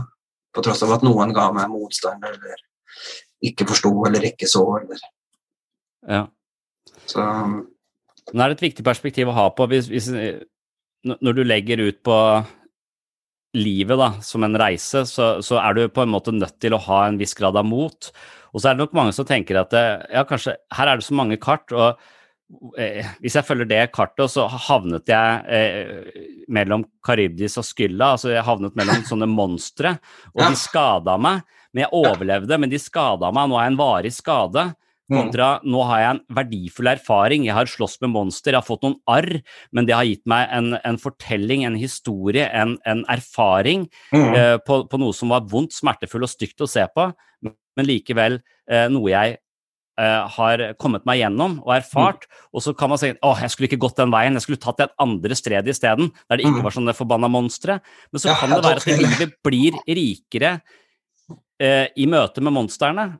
At eh, det gir et rikt liv, det gir smerte, men den smerten er også verdifull. Er det det du, er det det du Ah, skriver om når du sier at, eh, at, at smerten din har eh, langsomt, selv om det er vanskelig å finne det, så har smerten din hatt en verdi? Veldig mye det jeg sier, ja. Samtidig så er det har veldig sympati for dem som, som sympati. Det er lett å tenke om seg sjøl som et offer når du opplever tøffe ting. Jeg snakker med mange som har opplevd grusomme, forferdelige ting, altså. Og som da tenker at uh, livet er urettferdig, og du kan bli bitter, og du kan, du kan, kan komme med underskudd, og du blir misfornøyd med alt og alle og deg sjøl. Det er lett å komme i den uh, situasjonen der, men som gjør ting bare verre, da. Men, uh, men for meg har det iallfall blitt sånn at det vonde, det vanskelige, og det triste også, har òg en verdi. Da. Men det er mye mer Et mye bedre synsvinkel, et mye bedre ståsted da, i forhold til å komme videre på, på en bedre vei, da, mot et bedre mål. Mm. Det kan jo si at vi møter psykisk lidelse på, med, med en litt annen form for uh, et, et annet perspektiv på det også, for hvis vi møter psykisk lidelse i et sånn typisk psykiatrisk eh, fasong, så er det noe som er eh, feil og skal justeres, og noe uønsket. Mm. Men hvis man ser på symptomer som et uh, viktig signal og en uh, slags et røyksignal fra det ubevisste som Mm. uh, krever din hjelp og Mm. ditt heltemot, Mm. så kan det bli en ganske annen historie. kan bli en annen historie. Ja. ja. Men jeg håper jo at den boka kan være med jeg- jeg- og være litt håpefull. Og da, min fortelling, Jeg forteller jo den, min historie til forskjellige folk, og noen sier at det gir håp. da. Mm. At, at det går an å komme, selv om livet har vært vanskelig og tungt ganske lenge, så, så går det an å finne en vei videre. da. uh, ja. Jeg håper at den boka kan være med å gi litt sånn positive Veldig mange av tekstene når jeg leser dem etterpå, nå ser jeg at det, det er et glimt av håp nesten i alle tekster. Det, det, det er en vei videre, det er en mulighet for å komme, komme ut av ting. da. Mm. Så, for jeg har vært der òg, at jeg mista håpet. Det er en skummelt sted å være. Så det, det å ha et håp og det å ha tro på at ting kan bli bedre Hvor kommer skulle ikke ha det håpet der. Altså. hvordan kommer du vekk fra den posisjonen hvor du ikke har håp, da? Jeg, var, fikk jo en behandling, jeg kom meg ut av det verste, psykose og depresjon og alt det der. Men, eh, men kona sier at jeg er sta, da. At jeg tvang meg sjøl til å gå tur, jeg tvang meg sjøl til å oppsøke frivilligsentralen. Jeg tvang meg til å, til å gjøre noe som kan bety noe for andre. Så ser jeg at make it, fake it till you make it. Altså, jeg tvang meg til å gjøre noe, så så jeg etter hvert at det, at, at det fungerte, at det ble bedre. Det er et eller annet med, med staten, kanskje. Det er ikke noe sånn veldig bra ting, det, men det, det er vilje, ren vilje av og til har hjulpet meg, tror jeg. Men hvis, hvis du, du møter mennesker som ikke har den sterke viljen og Mm. har mista håpet, hva, Mm. hva, hva, hva kan vi gjøre? Nei. Det at eh, det å hjelpe andre forutsetter at de vil ha hjelp, at de er mottakelige for hjelp. Hvis ikke, så er det i hvert fall helt umulig, tenker jeg, å hjelpe andre da. Men, men eh, Nei, det er ikke så mye å gjøre, tror jeg, da, enn å, enn å gi et øre som lytter. hver et medmenneske som, som er villig til å bruke litt tid og så til, til å høre. bare. Jeg tror på det der å fortelle, fortelle, da. og snakke for den som har det vondt og vanskelig. Da. Men, men det er sier det også til mange som er litt psykisk, det er en jobb vi må gjøre sjøl. I forhold til en kirurg som kan operere et eller annet beinbrudd eller et eller annet skade på kroppen. Det er litt annerledes med psykisk helse, tenker jeg. Det er veldig mye avhengig av den som Hvis vi kaller det sykdom, av den som er syk. den jobben den er villig til å gjøre sjøl. Mm. Um, og det har jeg snakka mye om før, og det er så, så mange som, som satser på en ny terapeut eller på en ny medisin, eller så tenker at det er noen andre som skal fikse meg. Det er en blanding her, selvfølgelig, men, til psykisk helse så, så er selvinnsikt og vilje til å litt eh, stå på stahet, eller hva det er for noe, viktig. Du, du, man kan tenke sånn rent terapeutisk at man bør stille folk spørsmål om den stien de går på. Hvordan ser Mm. det ut der? Hvorfor har du valgt å gå akkurat den veien? Er det mulig å snu? Går det an å gå noen andre veier? Er det bare kratt på begge sider? Altså Du får de til å løfte seg litt opp over skogen da, og så se litt på det området de beveger seg i. Mm. Er, altså du, du snakker til prefrontal cortex, eller du snakker til den som lager kartet, og som Mm. er nødt til å få en oversikt over terrenget. Så hvis du Mm. klarer å etablere den eh, kartmakeren i huet på folk, så, så vil de ofte eh, av seg selv finne en ny vei, men da må du stille de riktige spørsmålene, for du, da tvinger du vedkommende til å se seg selv utenfra. At det er liksom den terapeutiske ideen. Men hvis du er litt utålmodig som meg, da, så, så vil jeg tenke at det, noen ganger så stiller man de spørsmålene, men vedkommende svarer bare ut ifra den, den ene stien de går på. De har ikke noe de har nesten nærmest ikke noe forståelse for at det går an å gå andre veier, så de, de vil bare hele tiden gå den samme veien. Særlig hvis man tenker på seg selv som et offer, da, så, så, så er du på en måte plassert der. Du kommer ut av den fordi du har ja, så mye og, og da, da tenker jeg av og til litt, har jeg en sånn følelse av at du snakket om SCT-behandling, altså at du får strøm i hodet. Mm. Og det, det, det er for meg et bilde også. Altså at det fungerer som et bilde, for jeg lurer på Noen ganger så tenker jeg at det, mine velmenende, vennlige spørsmål, de, de når ikke inn i din virkelighetstunnel. Nei. Eh, Så her må det en slags eh, meteor som bare krasjer inn i deg for at du skal endre noe kurs, og enhver kursendring vil være til det bedre, eller vil i hvert fall være en forandring. Så at jeg av og til uh, har et behov for å være en bøtte med iskaldt vann som faller ned i hodet på den andre, så den bare i hvert fall merker noe, eller våkner. så sånn isbading nærmest har jeg som en sånn jeg, skulle, jeg har lyst til å isbade med deg, tenker jeg noen ganger. Bare sånn at vi merker at vi er på smerte, eller, eller bare tilstedeværelse, eller, eller øh, De merker jo på smerte, det er mørkt, men, men en sånn slags sjokk. Jeg ønsker å fremkalle et sjokk, og noen ganger så tror jeg selv at jeg fungerer litt som et sjokkelement i noen relasjonelle settinger. Mm. Og det er skummelt, det der, tror jeg. Da, for at det, det, Ja. Hva er den, den andres eh, ønske altså Tre sjokkbehandlinger over andre er skummelt. da. Jeg har vært borti noen terapeuter som har gjort det òg, som ikke det, blir litt sånn overgrepsaktig, føler jeg da. Kan bli. Så skal det ja. Var, jeg var helt nede i depresjon og tungt, og vi skulle ut og springe og løpe, og det skulle fikses på den måten, liksom sammen. Sånn, ja. For meg var det veldig Det skulle liksom være en sånn veldig sjokkbehandling, eller hva det var for noe. Men det er noe, ja. Nei, men jeg tror at eh, noen trenger å ristes løs, da, men det Det er vanskelig, det. For da må du være motivert for å bli rista løs, eller for isbading, ellers så blir det enda verre, tror jeg. da. Ja, jeg ville aldri eh, løpt med noen eller isbada med noen i sånn konkret forstand, men jeg ville vel gjort det eh, jeg, jeg ville vel tilstrebe, som du sier, du er ikke glad i klisjeer, det er ikke jeg heller, så jeg tror at jeg, jeg ville prøvd å unngå klisjeene, men likevel si noe og peke på noe som ikke er åpenbart, så du er nødt til å i hvert fall snu på hodet ditt for å, for å Mm. se i den, den retningen. Mm. Så, uh, så sjokket vil være å introdusere en retning eller et perspektiv som kanskje kan virke litt sånn uh, det, altså Et perspektiv som kommer litt brått på, nærmest. Mm, plutselig, ja. Og, så, og som sier Oi, nei men, nei, men det passer ikke. Eller i hvert fall som, som på en eller annen måte krasjer litt, sånn at det, det blir en friksjon. For noen ganger så føler jeg at man man går med på en sti og er velmenende, og, og så går vi bare videre, dypere og dypere innover i skogen. Nå snakker du om terapi, jeg bare på det. Jeg er med i sam en del sammenhenger der eh, sånn selvhjelpsgrupper, eller også folk som har opplevd samme ting, som deler. Og vennerelasjoner og kollegarelasjoner der vi Jeg snakker litt om mine ting, og de andre snakker litt om sine ting. Den der, så jeg tenker at det er kanskje bedre enn terapi, terapeut-pasient-rollen nå, da. Altså at vi, vi, er i samme båt, på en måte. litt eh, og Vi kan lytte til hverandre og dele hverandres erfaringer, og vi kan forstå hverandre, for vi har vært gjennom litt av det samme. Jeg har veldig tro på den uh, settingen nå, da.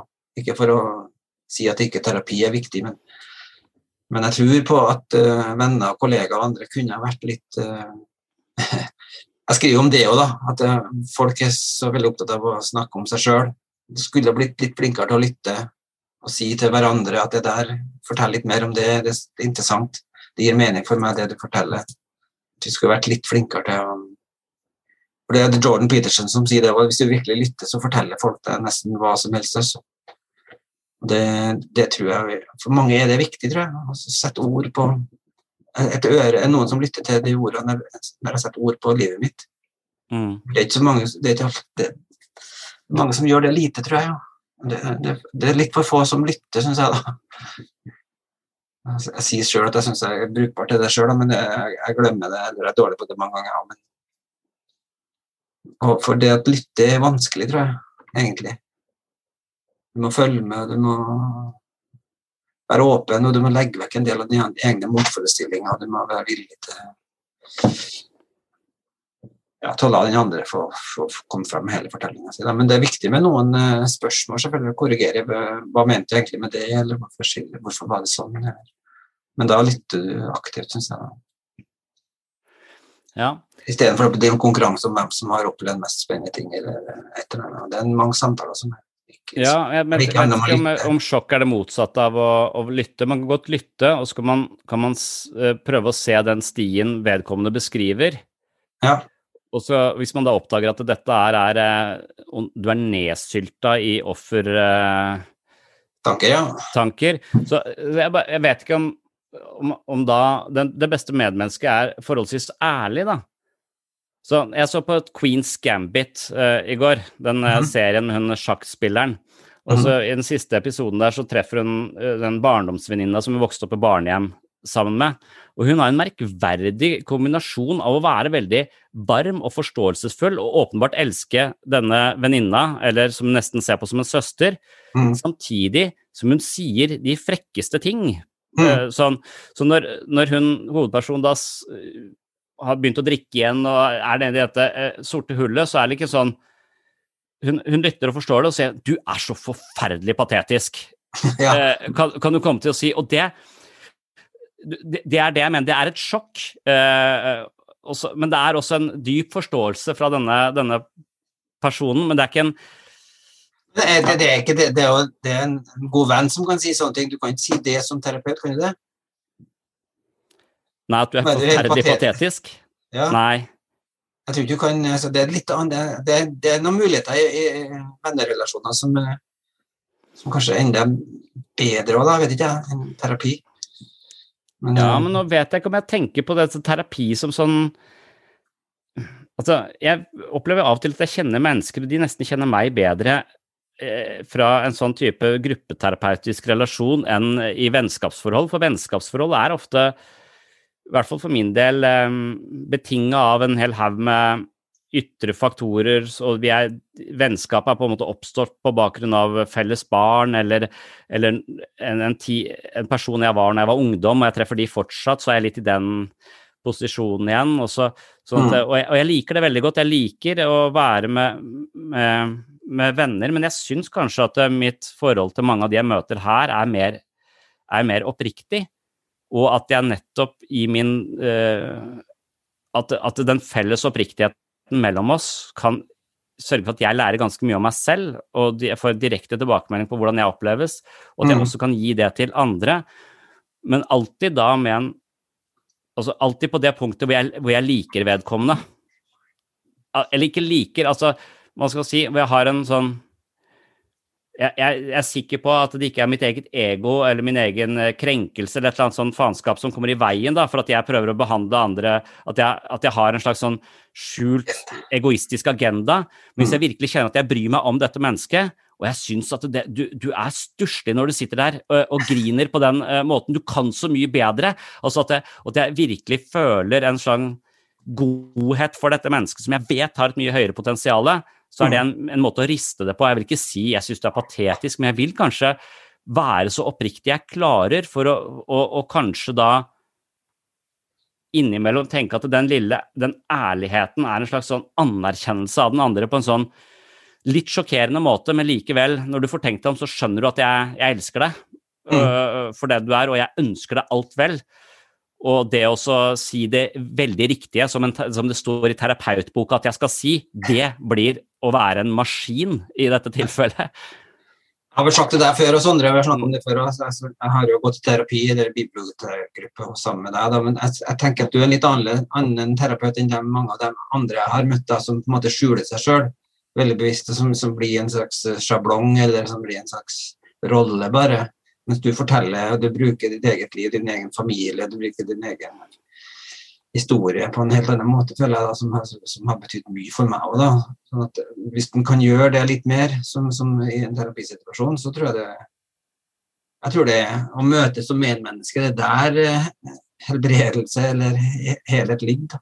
Mm. Føle at du forstår meg, og at du, du, du er et medmenneske på en Det er et eller annet sterke øyeblikk når vi forstår hverandre, møter hverandre og respekterer hverandre, er glad i hverandre. Det, det, det, det ligger mye mm. i det. Altså. I, i, vi trenger de profesjonelle, men det blir litt kaldt av og til. Det blir litt avstand. Det blir for Ja. Så kanskje man kan oppsummere, da, for jeg tror kanskje vi må uh, vi må gå Jeg må i alle fall avslutte her, ja. ja. Men, det, men det, det, du sa nå, det, Jeg opplever kanskje at det, hvis vi skal fortsette de metaforene som går igjen i boka di, bl.a. dette med kart, så, så, så, er det Det å lytte, det er å ville se på ditt kart. Og ja. denne boka er en del av ditt, uh, ditt kart. Og det er gjenklang i meg, derfor kan jeg føle meg litt lik, eller jeg kan føle at, det, at du uh, har tegnet et kart som, som, uh, som, er den samme, i den samme kartsjangeren som jeg selv liker å tegne kart i.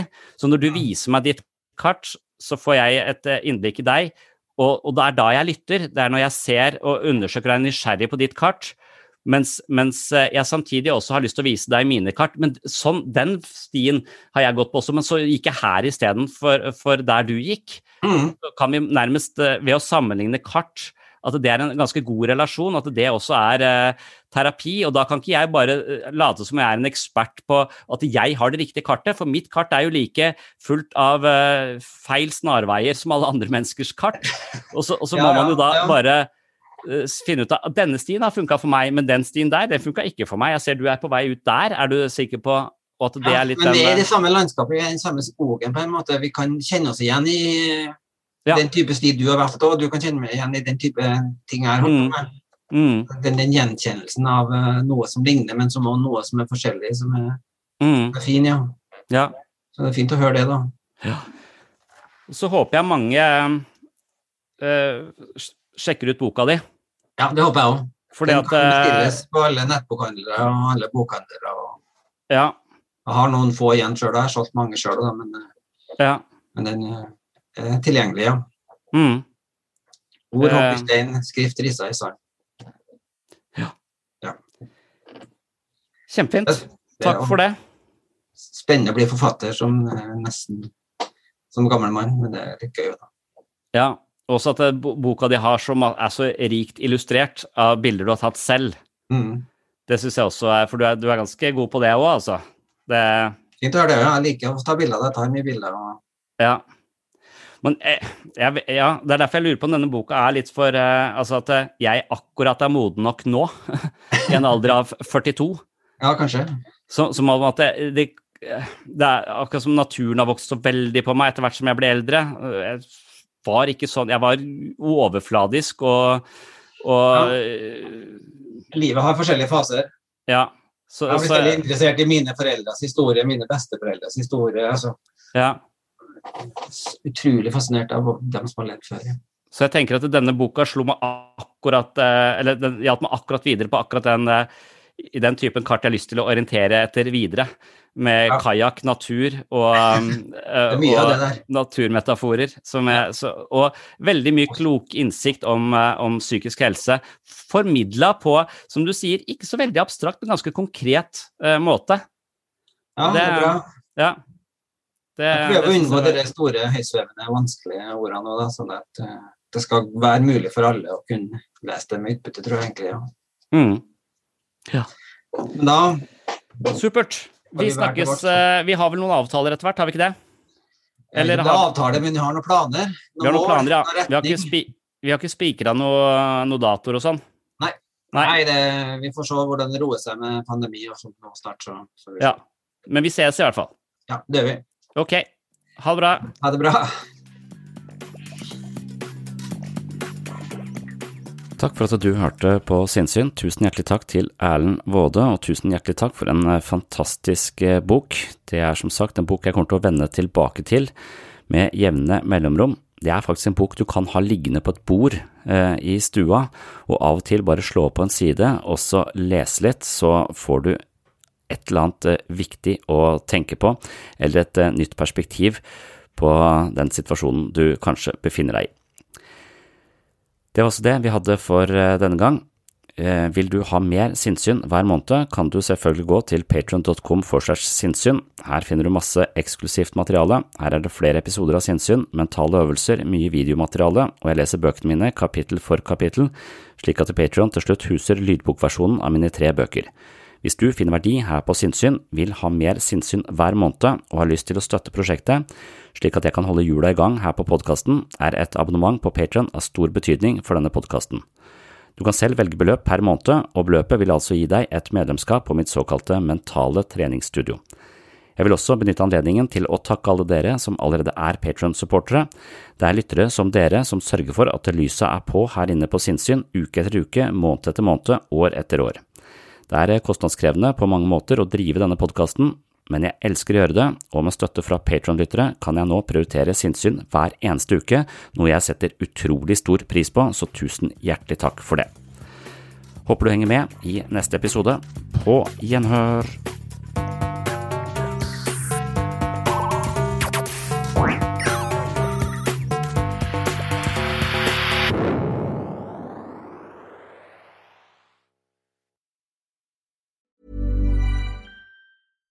Here's a cool fact a crocodile can't stick out its tongue.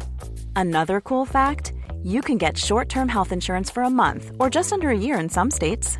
United Healthcare short term insurance plans are designed for people who are between jobs, coming off their parents' plan, or turning a side hustle into a full time gig. Underwritten by Golden Rule Insurance Company, they offer flexible, budget friendly coverage with access to a nationwide network of doctors and hospitals. Get more cool facts about United Healthcare short term plans at uh1.com. Cool fact a crocodile can't stick out its tongue. Also, you can get health insurance for a month or just under a year in some states. United Healthcare short term insurance plans, underwritten by Golden Rule Insurance Company, offer flexible, budget friendly coverage for you. Learn more at uh1.com. Imagine the softest sheets you've ever felt. Now imagine them getting even softer over time. That's what you'll feel with Bowl and Branch's organic cotton sheets. In a recent customer survey, 96% replied that Bowl and Branch sheets get softer with every wash. Start getting your best night's sleep in these sheets that get softer and softer for years to come. Try their sheets with a 30-night guarantee. Plus, get 15% off your first order at bowlandbranch.com. Code BUTTERY. Exclusions apply. See site for details.